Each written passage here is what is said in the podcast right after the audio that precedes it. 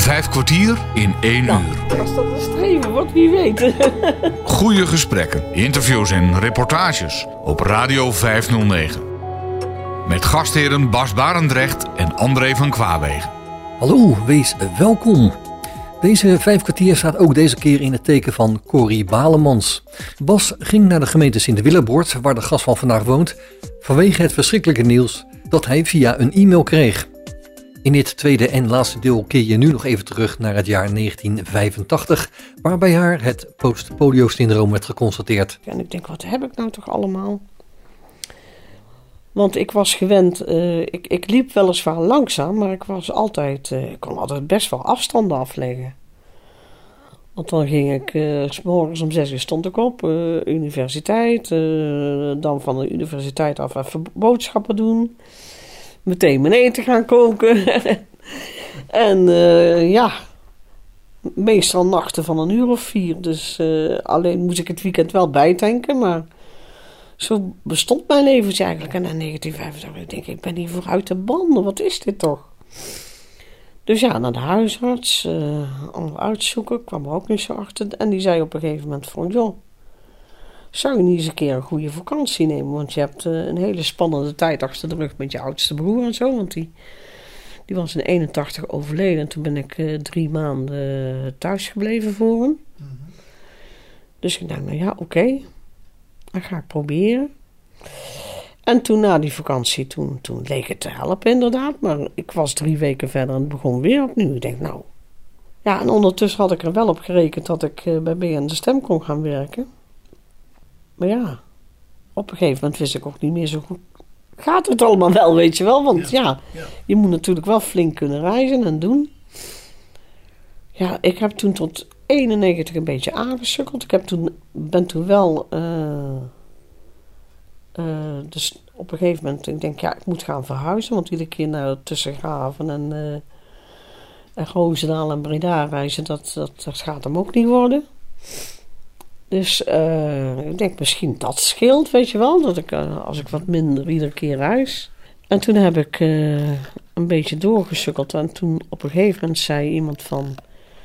Ik weet wel een arts van jou, want die heeft studies gedaan in Amerika. En daar is hij op het postpodium syndroom gestuurd. En dat houdt in dat je... Je hebt zoveel van je restspieren gevraagd dat die ook zwakker worden.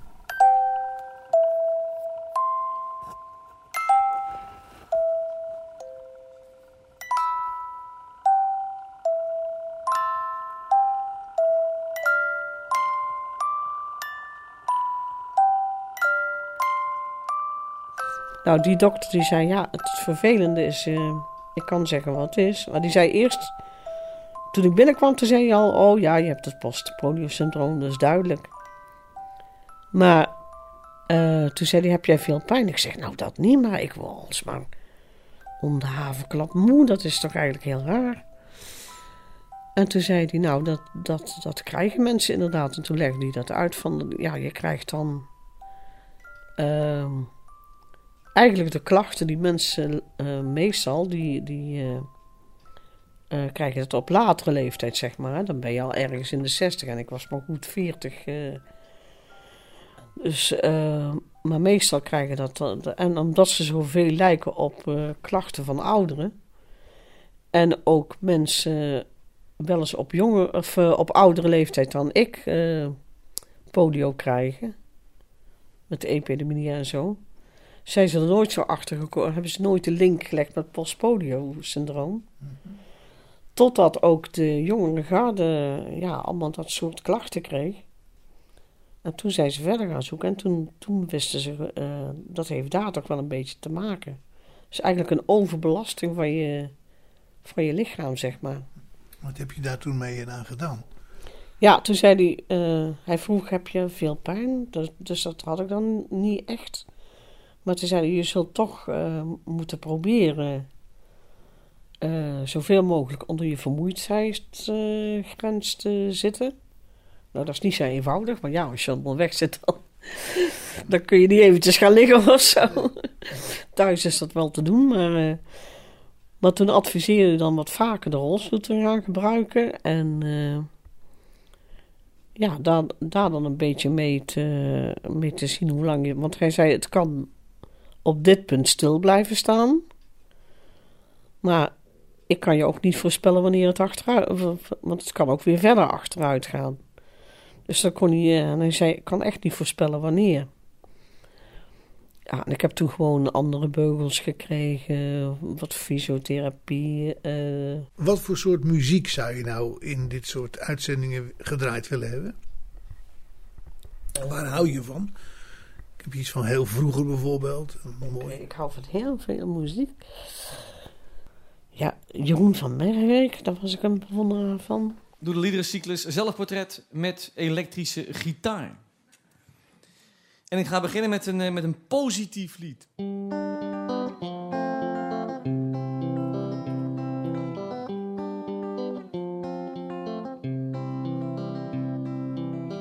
Oh, wat gaat alles toch geweldig. Oh, wat gaat alles altijd goed. Een geldig plaatsbewijs is vaak een heel uur geldig. En wat prettig dat de deurknop van de deur het zo goed doet. Daarom zeg ik, wat gaat alles toch geweldig. Wat gaat alles altijd overal met alles even goed. Het ene gaat nog beter dan het ander. Terwijl dat ander vaak ook al geweldig gaat. God, die verbrandt goed na, die na verbranden. Dat geeft goed antwoord, zeg, dat antwoordapparaat. En wat een gele geelkop salamander. Vind jij dat ook zo leuk, dat lopen door zo'n straat? Alles op de aarde gaat fantastisch. Alles in het leven loopt perfect. Elastiek is helemaal elastisch. Geeft een heel stuk mee wanneer je eraan trekt. Nee, ik vind het allemaal reusachtig. Soms wordt bijvoorbeeld ergens iets gebouwd. In de bergen is het dikwijls bergachtig. En zeven jaar is voor een hond nog niet echt oud. Eet je minder, ga je minder wegen. Of iemand is bijvoorbeeld dol op jam. Of je komt bijvoorbeeld ergens iemand tegen.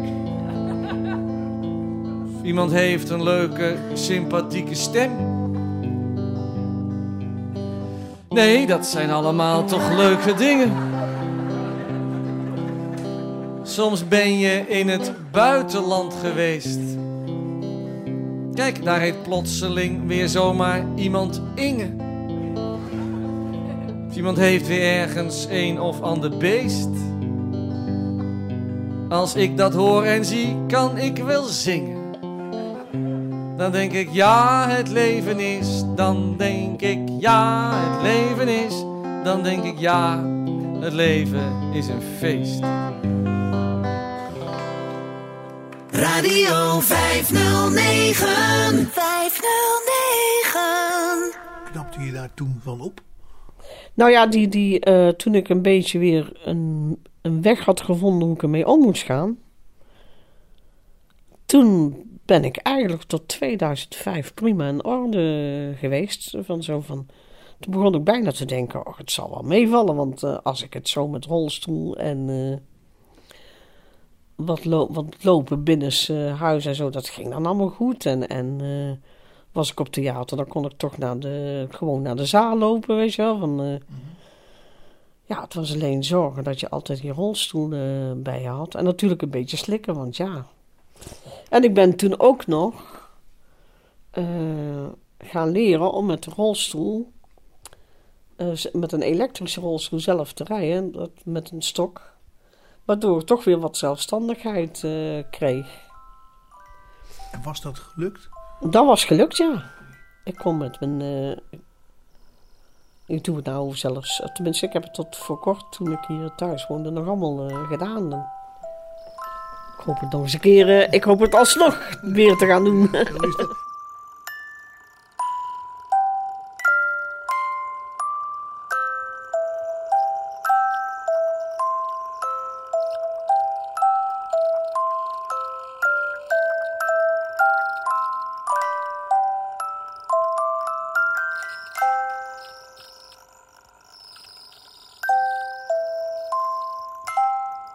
Nou, ik merkte gewoon dat ik minder eh, moe was en weer, weer dingen meer uit en, en ook meer genoot van dingen. Want ik zei ook tegen die dokter van.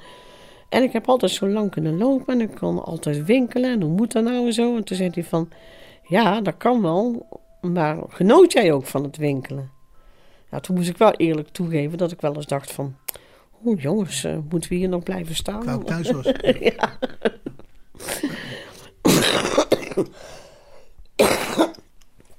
dus toen. ehm, ja, ik voelde wel dat ik meer, eh, ja, meer energie had ook voor leuke dingen, zeg maar. Weer op pad gaan. Toen ik er weer een beetje aan gewend was van. eh, En toen heb ik eigenlijk mijn journalistiek ten dienste gesteld van eh, ouders, kinderen en kanker ook. Heb ik een tijd gedaan. Van mensen met een oogprothese. En anders bekeken. Daar heb je jaren voor Daar geschreven. heb ik jaren voor geschreven. Ik ben zelfs begonnen. en Toen jij vertelde dat je iets over mij eh, wilde opnemen en zo. Ik ben begonnen in Op Weg. Dat was een blad van Sint Odilia. En daar eh, schreef ik over de, de ledenraad. Och jongens, dat was me wat. Die ledenraad. Eh, ja, uit hele lange dagen dat ik dacht van, oh je... Ja. En eh, ik heb samen nog, eh, de, Frans Koken was toen nog de, de hoofdredacteur. En ik zal nooit vergeten, ik had een, een, een eigenlijk, dat was niet voor blinden, maar ik had eigenlijk meer een columnachtig iets geschreven.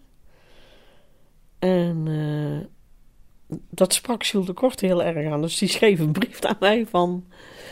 Oh, wat een goed stuk, zei hij. En eh, dat, vond ik wel heel prachtig. En dat ging dan eigenlijk over van... eh, eh, het ging over een liedje van Corrie Koners, het aparte gevoel van binnen. En ja, toen schreef ik iets van, van wanneer ik allemaal een aparte gevoel kreeg. En dat was meer een maatschappijkritisch stuk toen, toen al. Ja, ja. Heb je er zoveel van geschreven. En toen had ik de, en dat ging eigenlijk ook over de, de integratie van gehandicapten. En toen zei ik van, nou, ik stap in de bus. En eh, de chauffeur zegt tegen, eh, er, er komt de moeder binnen met de kindje en die zegt, eh, goedemorgen grote meid. Ik zeg, en ik kom. En die zegt, eh, ik krijg wisselgeld. En toen zei hij, hier nog, eh, is nog een stuiver prulleke. Dus ik was een Dat vond ik zo'n... Zo... nou, dat, daar ging het eigenlijk het verhaal over. Zo van, nou kijk, ik word als een klein kind tegen, hem, tegen haar zegt die grote meid van een kind wat nog in de buggy zit. En dat vond Jules ook leuk. Dat vond Jules ook leuk. Dat was, eh, ja, die vond dat echt humor.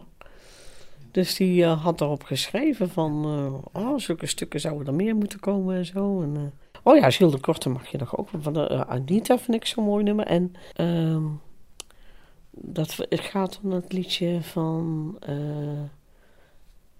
een eenling die iedere keer opstaat Ja, en die ja, zijn ja. stem laat de horen. een- De eenling. Ja, de eenling. Ja, zo heet het, ja. Dat vind ik zo'n prachtig lied.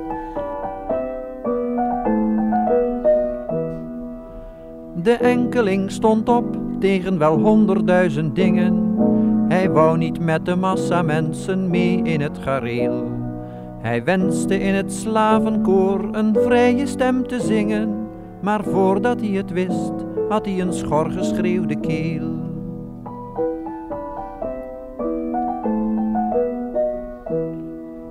Toen hij niet meer kon zingen, stond hij op om te gaan spreken tot hen die hij zijn leven lang als vrienden had beschouwd, Die zeiden wat hij zegt is nog niet eens zo gek bekeken, maar toch voor onze oren wel een tikkeltje te bout.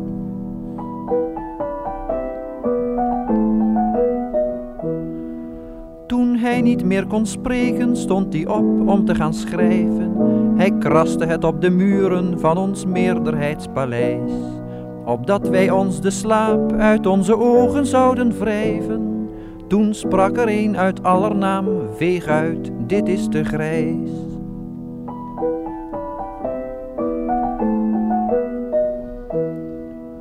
De enkeling staat op, omdat hij zelf zijn weg wil kiezen. Hij vecht tegen het monster van de middelmatigheid. Hij zal, zolang hij leeft, bij voorbaat elk gevecht verliezen. En als hij eindelijk opgeeft, zucht men, zo, die zijn we kwijt.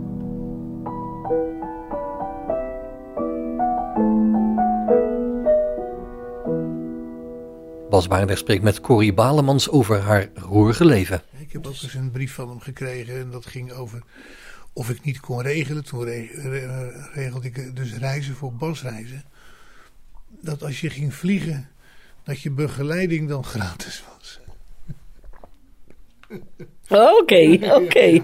Ja, nou, dat viel natuurlijk niet te regelen, want de begeleiding is zo perfect op de, alle vliegvelden.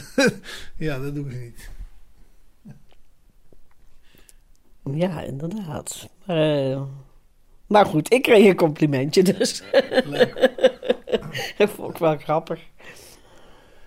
En, maar, ja, uh, toen... en dat was dus op weg. Dat, toen, ja, ja, toen die, uh, wat je, ja, ja, toen die, die verzuiling nog, hè, Rooms-Katholieke Blindenbond, ja, ja. Nederlandse Blindenbond en de Nederlands Christelijke Bond. Ja, en omdat je katholiek was, kom je eigenlijk vanzelf verzeild bij de Rooms-Katholieke Blindenbond. En uh, nou ja, ik had dus in dat op weg uh, dan geschreven. En toen begonnen ze dan uh, met dat bureautje, wat dan later ook een, een, Dat was een voorloper van de fusie, zeg maar. Want de bedoeling was dat het een. dat alles ging fuseren. Dus ik heb al die tijd meegemaakt waar, waar het allemaal moeizaam ging. En zo. Ja, ja. Met Jaap Zeekant uiteindelijk. Verhaal, ja. ja. En uh, ja, toen ben ik op een gegeven moment ben ik weer uh, ja, ben ik dus bij anders bekeken geraakt. Mensen met een oogprothese bij uh, ja, en de bij Tontzelen, dat was de, ja, uiteindelijk ben ik in 2014, 15 weggegaan. Tontzelen. Ja, toen Tontzelen stopte, ja, toen werd het voor ons ook allemaal moeilijk van wat, uh, ja, wie wil er nou door bij de redactie? En ik vond het ook lastig om op een gegeven moment, toen moest ik dan kiezen. Maar er zaten ook met, uh, er is hier ook een commissie maatschappelijke aangelegenheden van Rukven.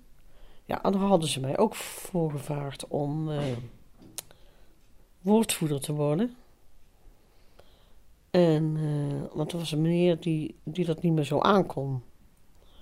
Mm-hmm. En uh, ja, dat sprak, toen denk ik van ja, daar zit wel een zekerheid in. En bij de andere weet ik het eigenlijk allemaal niet zo goed of daar nog. dus op een gegeven moment zeg ik, nou, ik, ik hak de knoop maar door, want het was iedere keer wel niet, wel niet, weet je wel. Dan was het, gaat nog een tijdje door. Ja. en dan was het weer de vraag, wie gaat er mee over en zo. En toen heb ik er toch maar voor gekozen om, uh, om dat te gaan doen. Dat is ook heel leuk trouwens, want dan kom je ook met allerlei soorten dingen in de samenleving in aanraken. Je, uh, je moet... Uh, drugsbeleid, daklozenopvang, vluchtelingenopvang, het is niet alleen voor gehandicapten, hè? dat is dus wel een stukje ook voor gehandicapten, maar je, je krijgt er uh, ja, ook met heel veel meer dingen te maken. En daar zit ik eigenlijk nog steeds bij, dus uh, liedjes met humor, die vind ik ook altijd wel leuk, wanneer die een, humoristisch slot hebben. Zo. Dr. Anders P. Dr. Anders P, ja. ja.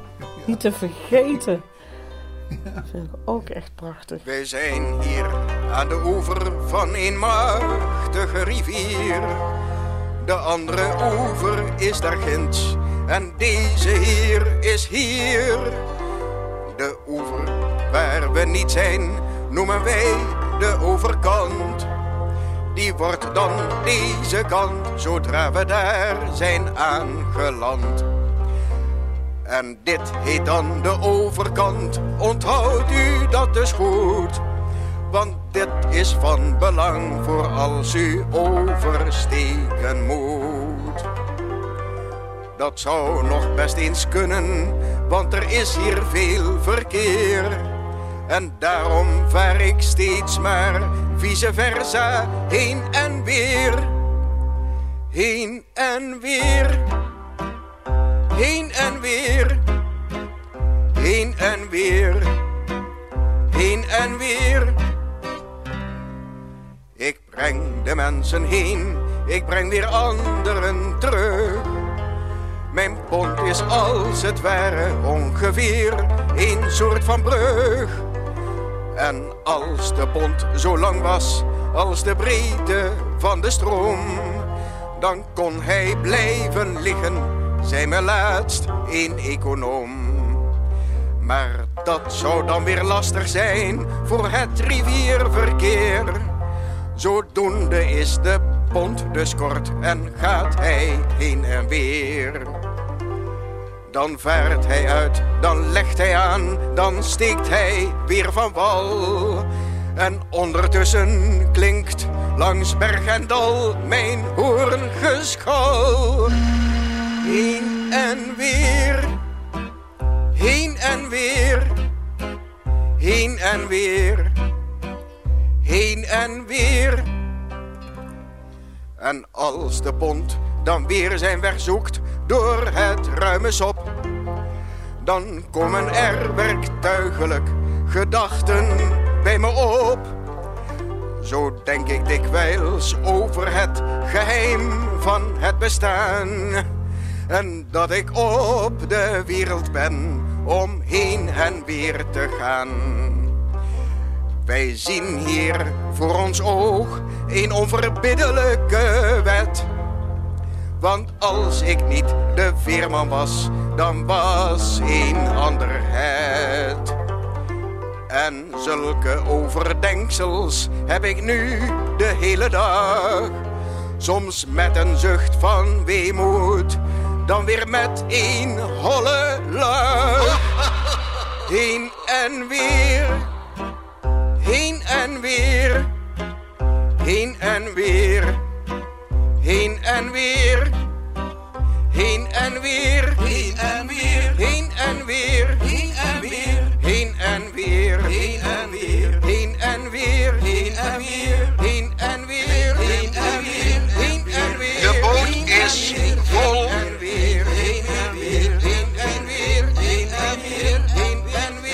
Ik zeg, is vol.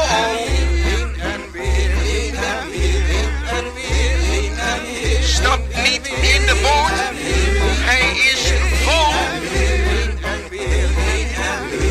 Blijf aan de wal, meneer. U ziet toch dat de boot vol is. Doe nou, mensen. Kom toch niet in deze volle boot.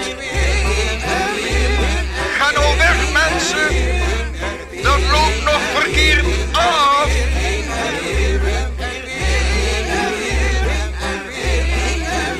Wees nou verstandig, mensen.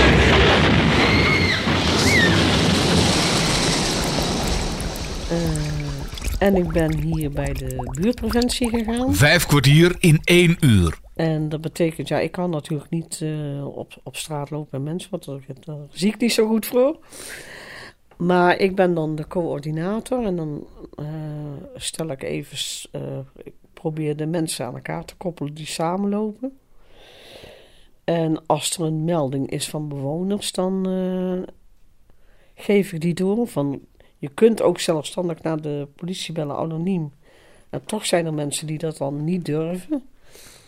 En dan eh, ben ik dan eigenlijk het secretariaat van de buurtpreventie. Dus dan kunnen ze wel naar mij bellen. En dan zet ik het weer door naar eh, ga ik het weer verder doorgeven aan de politie. Mhm. Zodat het weer eh, op, wordt, wordt opgepakt, zeg maar. Maar het is jou niet gelukt, begrijp ik, om in een betaalde werksituatie langdurig Nee. te komen. Nee, dat is me niet gelukt helaas. En dat was wel het, eh, het streven. Ja. Ja, Maar je hebt toch wel heel, heel veel betekend. Ja. Ja, en wat ik natuurlijk ook doe is eh, de column voor Moet je horen. Heel veel jaren. Heel veel jaren ook al. Vijf kwartier in één uur. Vandaag ben je samen met Bas Barendrecht op bezoek in Sint-Willeboord en ben je bij het gesprek met Corrie Balemans. Je hoorde zojuist dat het vanwege haar blindheid en bijkomende ziektes niet lukte om betaald werk te vinden. Maar daar liet ze het niet bij zitten, want ze heeft toch veel zaken opgepakt. Corrie heeft met veel ziekte te maken gehad en helaas blijft het daar niet bij. Bas begint over de olifant in de kamer. Op Radio 509. Maar ja, toen kreeg ik een mail van jou dat je terminaal was. Hoe zat dat eigenlijk? Nou, ik, had, ik, ik zit het hele jaar al te klungelen met gezond. Vorig jaar ben ik nog in de Wijhoek terechtgekomen met wondroos. En toen, leek het, eh, toen kwam ik thuis en toen leek het allemaal hartstikke goed te gaan. En, eh, of leek het, het ging gewoon, goed, want ik kreeg eerst eh thuiszorg 's morgens en avonds. Wat ze in de Wijhoek waren vergeten mij te leren hoe je, met een, hoe je met een hulpmiddel ook zelfstandig je steunkousen uit en aan kunt trekken. Nou, aantrekken is inderdaad wel zwaar, maar uittrekken, dat lukte mij met, die, eh, met dat hulpmiddel prima. Dus ik blij, want ik denk van, want ik, heel veel dingen, dat is wat ik doe, dat is in de avond van buurtpreventie en van die commissievergaderingen en dan ja, bij de gemeenteraad eh, ook aanschuiven en zo. Dus ik denk van, jezus, dan, eh, en dan moet ik, dan moet ik de hele avond er thuis blijven. Hoe krijg ik dat voor elkaar? Dus dat uittrekken, dat lukte. En daar was ik al heel gelukkig mee. Want ik denk, nou, eh, dat heb ik toch wel mooi meegekregen. Dus dan kunnen mijn avondactiviteiten kunnen gewoon doorgaan. Niks aan de hand. En eh, ja, ik, had, ik kon dus ook nog naar Tilburg gaan. Want bij Jofke doe ik dus eh, cursussen schilderen met materialen. Naar Jofke. Ja, Jofke van Loon, die heeft een atelier in Tilburg. En eh, ik ben Jofke tegengekomen toen wij eh, voor het Louis Braille, toen, eh, toen vierden we, wat was dat, 100-jarig? Ik weet al niet. Ja. Of zoiets? Ja, Ja, geloof hè? het, ja. ja. ik zeg het goed. Ehm, van, van Louis Braille, 100ste verjaardag. En dat, er stonden allerlei activiteiten voor. En hier eh, de afdeling Brabant was het toen nog. eh, dachten wij van we gaan een kunstmanifestatie, kunst met kleine en grote K. Die gaan we organiseren in eh, de Vlasborg. Dat is een eh, woonzorgcentrum in Vught. En er wordt ook het gewone publiek bij uitgenodigd, maar ook de blinden en slechtzienden. En dat gaat er dan om dat de, de doelgroep die weet een beetje wat je nog allemaal kunt maken als je blind of slechtziend bent. En de andere groep die ziet wat blinde en eh, en slechtziende mensen nog voor elkaar krijgen. Nou, dus dat, eh, eh, ik, dat heb ik georganiseerd met Dorry de Kruif en Marieke Kooijmans. En nou, ik heb daar dus ook wat werken gedaan. Ik heb samen met Marieke gedichten voorgedragen. En Marieke die speelde er eh, viool bij. En toen zat ik een schilderij te bekijken. En dat was dan van Jofke Verloon, van de cursist van Jofke Verloon. En ik was zelf ook al een beetje bezig met voelschilderijen. Maar ik deed meestal met, eh, met een hele lichte soort klei, artiesten. En die plakte ik dan op het eh, doek. En die gaf ik ook een kleurtje. En op die manier maakte ik dan een schilderij. En op dat schilderij van Jofke, daar zaten dus meer materialen. Dus een beetje gekletst en gedaan met Jofke. En eh, Nou, die nodigde uit eh, om een keer een workshop mee te maken.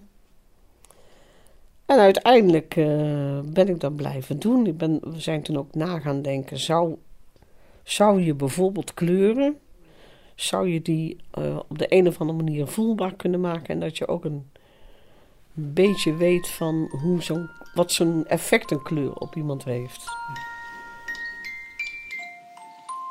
Doe eens iets van Bert van der Brink of zo. Hij heeft ook die cd met, eh met speeldoosjes gemaakt. Vond ik heel, veel heel interessant.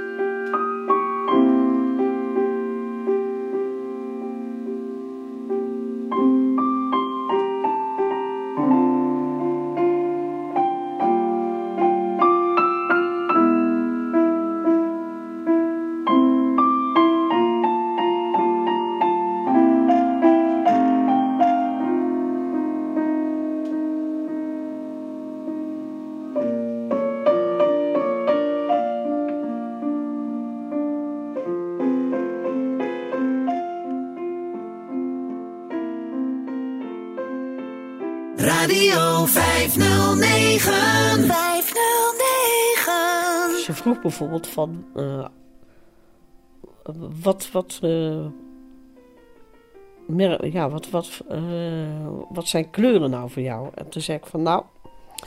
Het, ik, ik, weet er eigenlijk helemaal niks van. Ik heb er ook geen kleurherinnering. Maar als ik bijvoorbeeld aan geel denk... dan denk ik altijd aan het paaskuikentje... wat op een paasmandje zat. Want ja, Dat, ik heb geleerd dat dat geel was. Dus dat Ja. is voor mij gewoon geel. Ja. Ik zeg nou, en, en groen is eh, niet alleen gras, maar heel fris groen. Dan denk ik aan zo'n lekker eh, appel, weet je wel, waar een, echte bite aan zit. En die nog een beetje zuurig is. Een fris groene appel is dat dan voor mij. Sap langs je kin lopen. Ja. Zeg ja, en zo probeer ik dat allemaal maar een beetje te combineren. Van, eh, bij een kleur hoort bij mij meestal een woord. Dat associeer ik gewoon met, met, een, met een woord of een voorwerp, een voorwerp of wat dan ook. Nou, toen zijn we een beetje door. eh, maar toen zei ik, ja, maar tintenkleur, ja, daar kan ik weinig mee. Ik zeg, ja, rood, dat hoort dan een beetje bij vuur, maar... Maar eh, als ik nou moet eh, zeggen wat Bordeaux-rood is of zo, ja, dat, en hoe dat dan overkomt, daar heb ik echt geen idee van. De zaak is afgebrand helemaal. Ja, Dan wordt het vanzelf nog even Bordeaux. ja. Dus ehm, toen zijn we daar een beetje over doorgedacht. En nou heeft Jofke dus zo'n kleurenkaart ontwikkeld. Met eh 15 kleuren. Waarbij ze dat dan een beetje op een voelbare manier wil overbrengen. Wat oranje doet, wat geel doet. Wat, eh, er staat ook een beschrijving bij. En dat vind ik dus best wel interessant. Want ik denk, ja, iets meer weten van die kleur en dan een beetje meer in kleur gaan werken, wat ook nog ergens op slaat. Ja, de meestal ging dat wel bij mij, maar op de een of andere manier. Ik vroeg dan ook altijd wel van, eh, staat het een beetje bij elkaar? Want kleuren zocht ik, eh, ik, ik deed toch wel iets met kleur. Maar ja, nou zegt het mij toch wel iets. Je weet, je weet er meer van, zeg maar. En dat vind ik toch wel heel leuk. En Jofke heeft volgens mij ook de beroep ervan gemaakt. Ja, die heeft, eh, ze heeft de Tactila-methode ontwikkeld, heet dat. En daar kun je dus leren met die voelkleuren eh, de kleuren te herkennen sowieso. Als je aan een schilderij... als je, ehm, want ze maakt ook wel eens van die replica's. En dan, eh, Dan zegt ze ook altijd niet meteen eerst eh, proberen te kijken wat het is. Gewoon van, doet het iets met je? En dat is dan het belangrijkste. Het is niet zo belangrijk dat je nou precies weet, oh, dat, eh, dat is dat. Dat, eh, dat is ook best moeilijk hoor. Want het, eh, ja, van... Maar ja, het, ik vind het wel, ja, daar denken mensen verschillend over. Maar ik vind zo'n zo'n schilderij die dan ook kleuren aangeeft, die vind ik, dat vind ik toch wel interessant om dat te bekijken, zeg maar. Dan. Meer dan een lijnen, want lijnen zijn, ja, dat zijn dan maar lijnen, maar dan heb je toch nog iets meer om, eh, om te bekijken. Alleen wat ik heel leuk vind, is dat, dat je een. eh, hoe heet dat nou, dat meisje met het pareloog of zoiets? Dat, eh, dat is een. eh, goh, dat is een meisje. Een komt- schilderij. ja, en waar een, een oog uitspringt, zeg maar. En dat oog eh, van dat schilderij, als je eh, ziende naar dat schilderij kijkt, kijken, dan zien ze gelijk dat oog. En daar is het dan het parelmeisje. Of zoiets. Maar in ieder geval, het, is sowieso, het, het- er zit parel in, maar ik weet Een niet Een naam. en eh, toen voelde ik dat schilderij. En toen zei ik, ja, en bij mij schiet hij er nou juist niet uit. Want hij, er was een klein eh glinsterend eh, eh, rondje wat dan in het schilderij zat. En dan kom ik wel tegen mijn vinger. Zeg maar, zo werkt het dus niet met, met mijn gevoel. Of, want je voelt toch eerst dat hele schilderij af en dan kom je nog eens een keer dat tegen. Dus het is die parel die voor jullie dan uit, eruit schiet. Ja, die zit bij mij verborgen. Bij mij is de zoektocht naar de parel. Ja, ja, ja. En dat vond ik wel grappig, die tegenstelling. Want het is natuurlijk zo, als blinde, dan ga je meer... Dan ga je van het detail naar het geheel, zeg maar. En jullie gaan van een... Iets, een detail, wat dan... eh, tenminste, ik, werk, ik neem aan dat bij selectie ook zo werkt. Van iets wat in het oog springt, ga je naar de details toe. ja. En bij mij is dat net andersom. Nou, Robert Long, die eh, was ook een van mijn favorieten. Robert Long, die, die horen we tegenwoordig al je vaker. Hè? Eh, ja, ja, leuk. maar die heeft wel heel veel, ook van die hele Jezus red en zo. Ook eigen tijds. eh, En eigen tijdsliederen, ja zeker. Wat ik een heel mooi nummer vind van Robert Long is over zijn vader. Mijn vader op de fiets. en dat ze dan... ja, dat hij en eh, zijn vader, en eh, vader en zoon zijn eigenlijk uit elkaar gegroeid. Daar ging het dan over. Ja, oké. Soms duikt het beeld weer op. Mijn vader op een fiets. Hij rijdt langs het terras waar ik wat drink en ik zeg niets. Het waait een beetje. De wind maakt tranen op zijn wang. Daar gaat mijn vader. En we zijn vreemden al heel lang.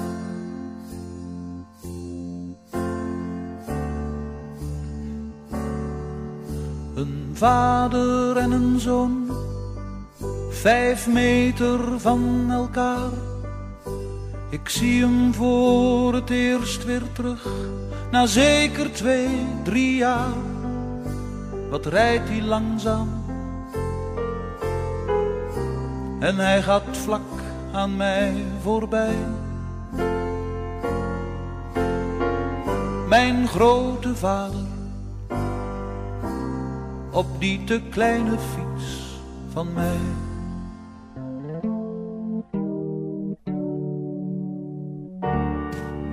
Waarom spring ik niet op?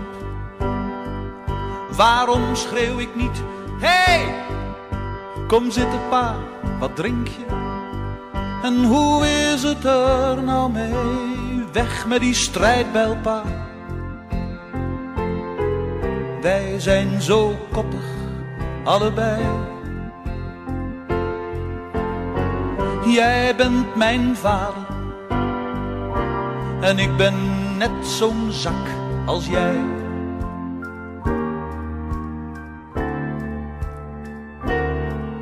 Het kan nog als ik wil, hij is nog niet voorbij. Waarom demp ik die kloof niet tussen hem en tussen mij? Maar ik blijf zitten. Het hoeft niet het is te laat. Daar gaat mijn vader en ik voel niks, niet eens meer haat.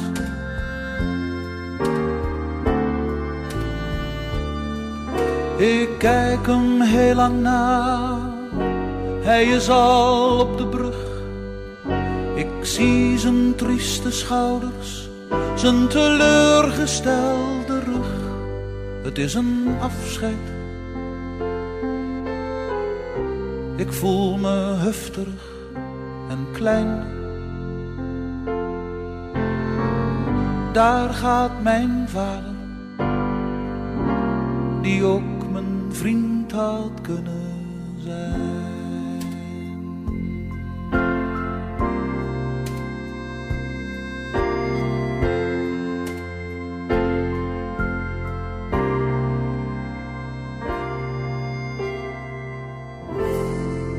Bas Barendrecht spreekt bij je vijf kwartier in een uur met Corrie Balemans over haar roerige leven. Hoe ziet jouw toekomst er nu uit? Ja, dat is even. Want we begonnen Dat met, heeft die, met, met, met met die e-mail te maken. inderdaad, ja. dat bedoel ik. Daar zijn we eventjes van afgegaan. We gingen even nou, eh, dus ik, ik sukkelde alsmaar. Daar begon, daar begon ik dus te vertellen. En dan op een gegeven moment ging het dan weer best goed. En dit jaar begon het. Ja, toen kreeg ik ook weer wondroos. Nou, denk je eerst is even zo verholpen, maar... eh, dan leek het eerst ook wel te zijn, maar toen kwam, kwam het toch weer terug. En eh, op een gegeven moment, eh, voor de zoveelste keer van antibiotica. En toen kreeg ik plaspillen. En nou, ik moest zoveel plassen dat ik iedere keer de wc niet op tijd haalde. En, Heb je met plaspillen? ja, dat heb je. En dat is dan op zich nog niet zo erg, maar ik, ik was op een gegeven moment te moe om naar die wc te gaan. En denk oh, weer. En dus ik had zoiets van, nou, ik ga me verschonen. Ik ga de ambulance wel bellen, want als die dokter dan niks doet, dan maar, eh, dan doe ik het zelf maar. En dan bel ik de ambulance en zeg ik dat ik naar de eerste hulp wil. En dan kijk ik wel wat oploopt. Maar dan probeer ik een afspraak te maken voor een opname in het ziekenhuis om eens eh, te kijken wat er nou eigenlijk is. Maar op het, net toen ik dat wilde gaan doen, toen kwam eh, eh, Diana die nu ook al voor mij zorgde. Dat was van de, ons thuis. Ja, die had al een beetje in de gaten dat ik... dat het voor mij, met mij allemaal niet zo goed ging. En toen zei Die ze... van- in elkaar zat. Ja. ja. En toen zei ze van, eh, wat zou je ervan vinden om... eh, er is een kamertje vrij en wat zou je ervan vinden om dan bij ons te komen en dan aan te sterken? En dat je daarna dan gewoon weer naar huis gaat. Ik zeg, nou, ik neem het aanbod van dat vrije kamertje aan, maar ik wil ook even bloedonderzoek, want... Dat ze even bloed komen prikken en dat bekijken. Ik zeg, want er moet toch moet toch meer gebeuren dan steeds die antibiotica en die pilletjes en weet ik wat. Nou, toen hadden ze dan de dokter gebeld, maar die dokter zei, ja, dat kan pas morgen, eh, want het moet op nuchtere maag. En dat werd eh, vrijdags ook op nuchtere maag gedaan. En ik had s s'avonds, ik had bezoek van mijn zus, was s'avonds tegen vijf uur, half zes zoiets. En toen kwam eh, Corina, dat is dan de manager van ons thuis binnen, en die zei van ja, je hebt een eh, heel laag B-gehalte van 1,9. En nou is de vraag of je binnen een kwartier wil beslissen of je bloedtransfusie wil. Of dat je dan gewoon hier blijft en dat we je dan verzorgen en dan tot het Kaarsje uit. Dus, ja. ja. Ja. En toen denk ik, nou, dat gaat. Ik zeg, oh, oh, oh, dat gaat toch wel heel erg vlug. Ik zeg, wat kan ik van die bloedtransfusie wachten? Laten we daar eerst eens over hebben. Want ik denk van ja, ik kan wel zeggen nee. Maar voor het kaarsje uitgaat, wil ik dan toch een beetje met, eh, met vrienden nog kunnen spreken. En, en ja, niet zomaar ineens de pijp uittrekken, zeg maar. En nog een programma maken. En nog een programma maken. En eigenlijk nog een afscheidskom voor uh, moet je horen als het echt definitief moet zijn. Uh, en toen, uh, toen, ja, toen zei ze dan, nou in elk geval kun je wat opknappen. en dan heb je weer wat meer energie. En toen zei ik, nou doe dat maar, want dan heb ik toch even, even tijd van, van leven. En dan kan ik toch in ieder geval nog wat dingen doen die ik nog even graag goed, goed wil doen, zeg maar. En als het kan, als het een beetje lang houdt, nog wat leuke dingen doen die. Uh... Dus uh, zo gezegd, zo gedaan. En ik ben van die transfusie inderdaad heel erg opgeknapt. Want, ik want eerst uh, die verpleegster zei tegen mij: Nou, als je bloed bij krijgt, dan ben je een heel ander mens. Ik had het eerste zakje en ik had zoiets van: Nou, volgens mij. Ik hoop dat het lukt. ik hoop dat het lukt. Maar goed, na vier zakjes, toen ging ik het echt voelen. Ik denk, hé, hey, je kan dan eens rechtop zitten zomaar uit mezelf. dus uh, ik denk, verrek, het, het, uh, die verpleegster heeft nog gelijk ook. Bram van Meulen vond ik ook altijd uh, heel mooi. Vooral op teksten, zeg maar. Van, hebben hele mooie teksten. Ik heb een steen verlegd in een rivier op aarde. Het water gaat er anders dan voorheen. De stroom van een rivier hou je niet tegen. Het water vindt altijd een weg omheen. Misschien eens gevuld door sneeuw en regen neemt de rivier mijn kiezel met zich mee. Om hem dan glad en rondgesleten te laten rusten in de luwte van de zee. Ik heb een steen gelegd in een rivier op aarde dat ik nooit zal zijn vergeten. Ik lever de bewijs van mijn bestaan. Omdat door het verleggen van die ene steen de stroom nooit meer dezelfde weg kan gaan.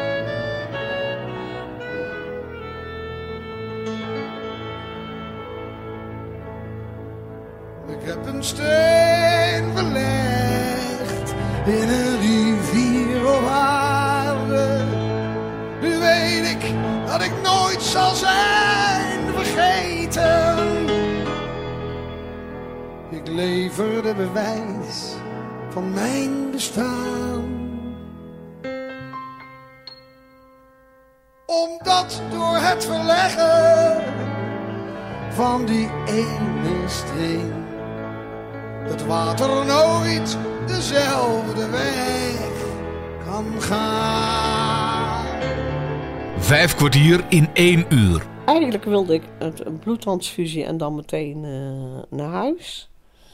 Maar ja, op de eerste hulp had een dokter al gezegd: uh, Oh, mevrouw, krijgen we niet voor elkaar, want u moet vier zakjes hebben. Dus u zult toch een nachtje moeten blijven. Ik zeg: Nou ja, vooruit een nachtje vind ik ook wel goed. Maar dat werden uiteindelijk, twee zakjes, want ik moest, eh, twee nachtjes. Want ik moest eh, dus ook nog ijzer eh, bij krijgen. En zondags kon ik toen eh, naar huis. En nu zit ik met de, de vraag dus van... ehm, waar komt dat HB dan ineens zo vandaan? En, want ja, ze, ze wilden dus weten wat ik allemaal ga doen. Ik zeg, ja, maar dan zou ik toch graag weten, wat, wat hebben ze mij nog te bieden? Want als ze mij nou kunnen vertellen van...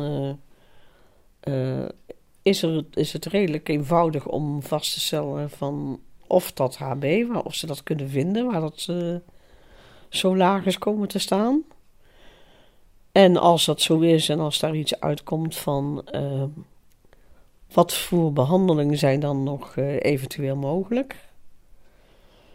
En ik heb ook een beetje aangegeven, ik wil geen, geen eindeloze onderzoeken met, met slangen in mijn lijf en eh, of een een of andere zware operatie of wat dan ook, die uiteindelijk geen effect hebben. Ik zeg, maar daar word ik ook niet gelukkig van. Ik wil wel kwaliteit van leven hebben.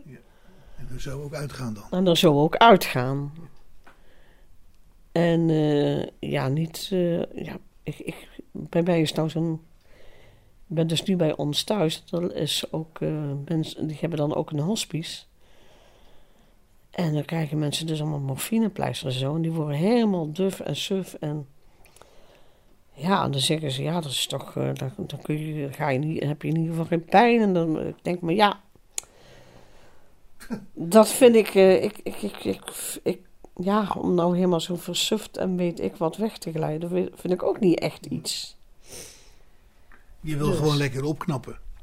Dat sowieso, dat zou het beste Dan zijn. kun je later altijd nog zien wat je wil. Ja, dat kan ik altijd nog zien. Kijk, ik hou er wel ernstig rekening mee dat het iets, iets is wat niet goed zit, want je krijgt niet zomaar een, eh, een laag HB.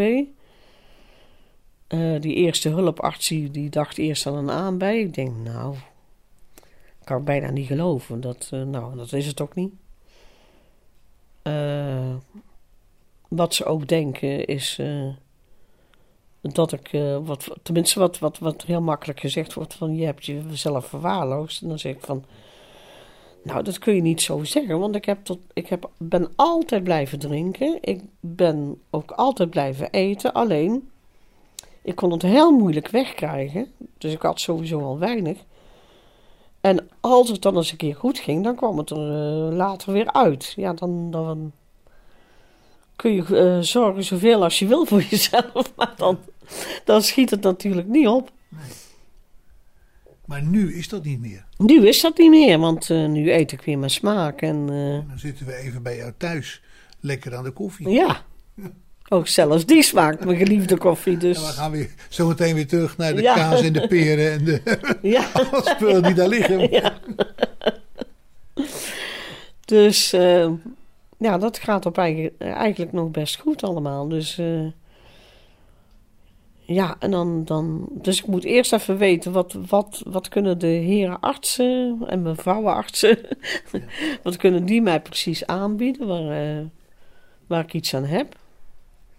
En dan moeten we het gewoon eens rustig over hebben. Van, eh, want nou klonk het zo van het is of eh, hier dood liggen gaan en Ja.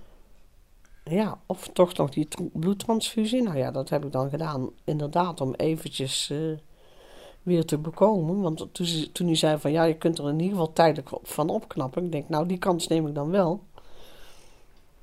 Want ik wil wel nog ja, een beetje met mensen Ja. kunnen praten. Wil al jaren mee. ze- Ja, Ja. daarom. Nou, laten we afspreken dat ik over een jaar of vijf nog eens bij je kom kijken. Als Ja, dat zou wel eerder, maar voor een uitzending bedoel ik dan, hè? Ja. Ja. nou, als dat een streven wordt, wie weet. Hopelijk krijgen we Corrie Balemans dan weer te spreken. Ik bedank je mede namens Bas Barendrecht voor het luisteren. En heb je nog vragen of opmerkingen of wil je zelf wel eens aan het woord komen, dan kan je een mailtje sturen naar bas.radio509.nl. Dit programma is overigens ook te beluisteren via de podcast van dit radiostation. Ik zou zeggen, geniet van de rest van deze dag, blijf luisteren naar Radio 509 en tot een volgende keer. Vijf kwartier in één uur is een programma van Bas Barendrecht. Techniek André van Kwawegen. Alhoewel de gast van vandaag terminaal ziek is, blijft ze positief en draagt ze het motto: Don't give up. In this proud land we grew up strong. We were wanted all along. I was taught to fight, taught to win. I never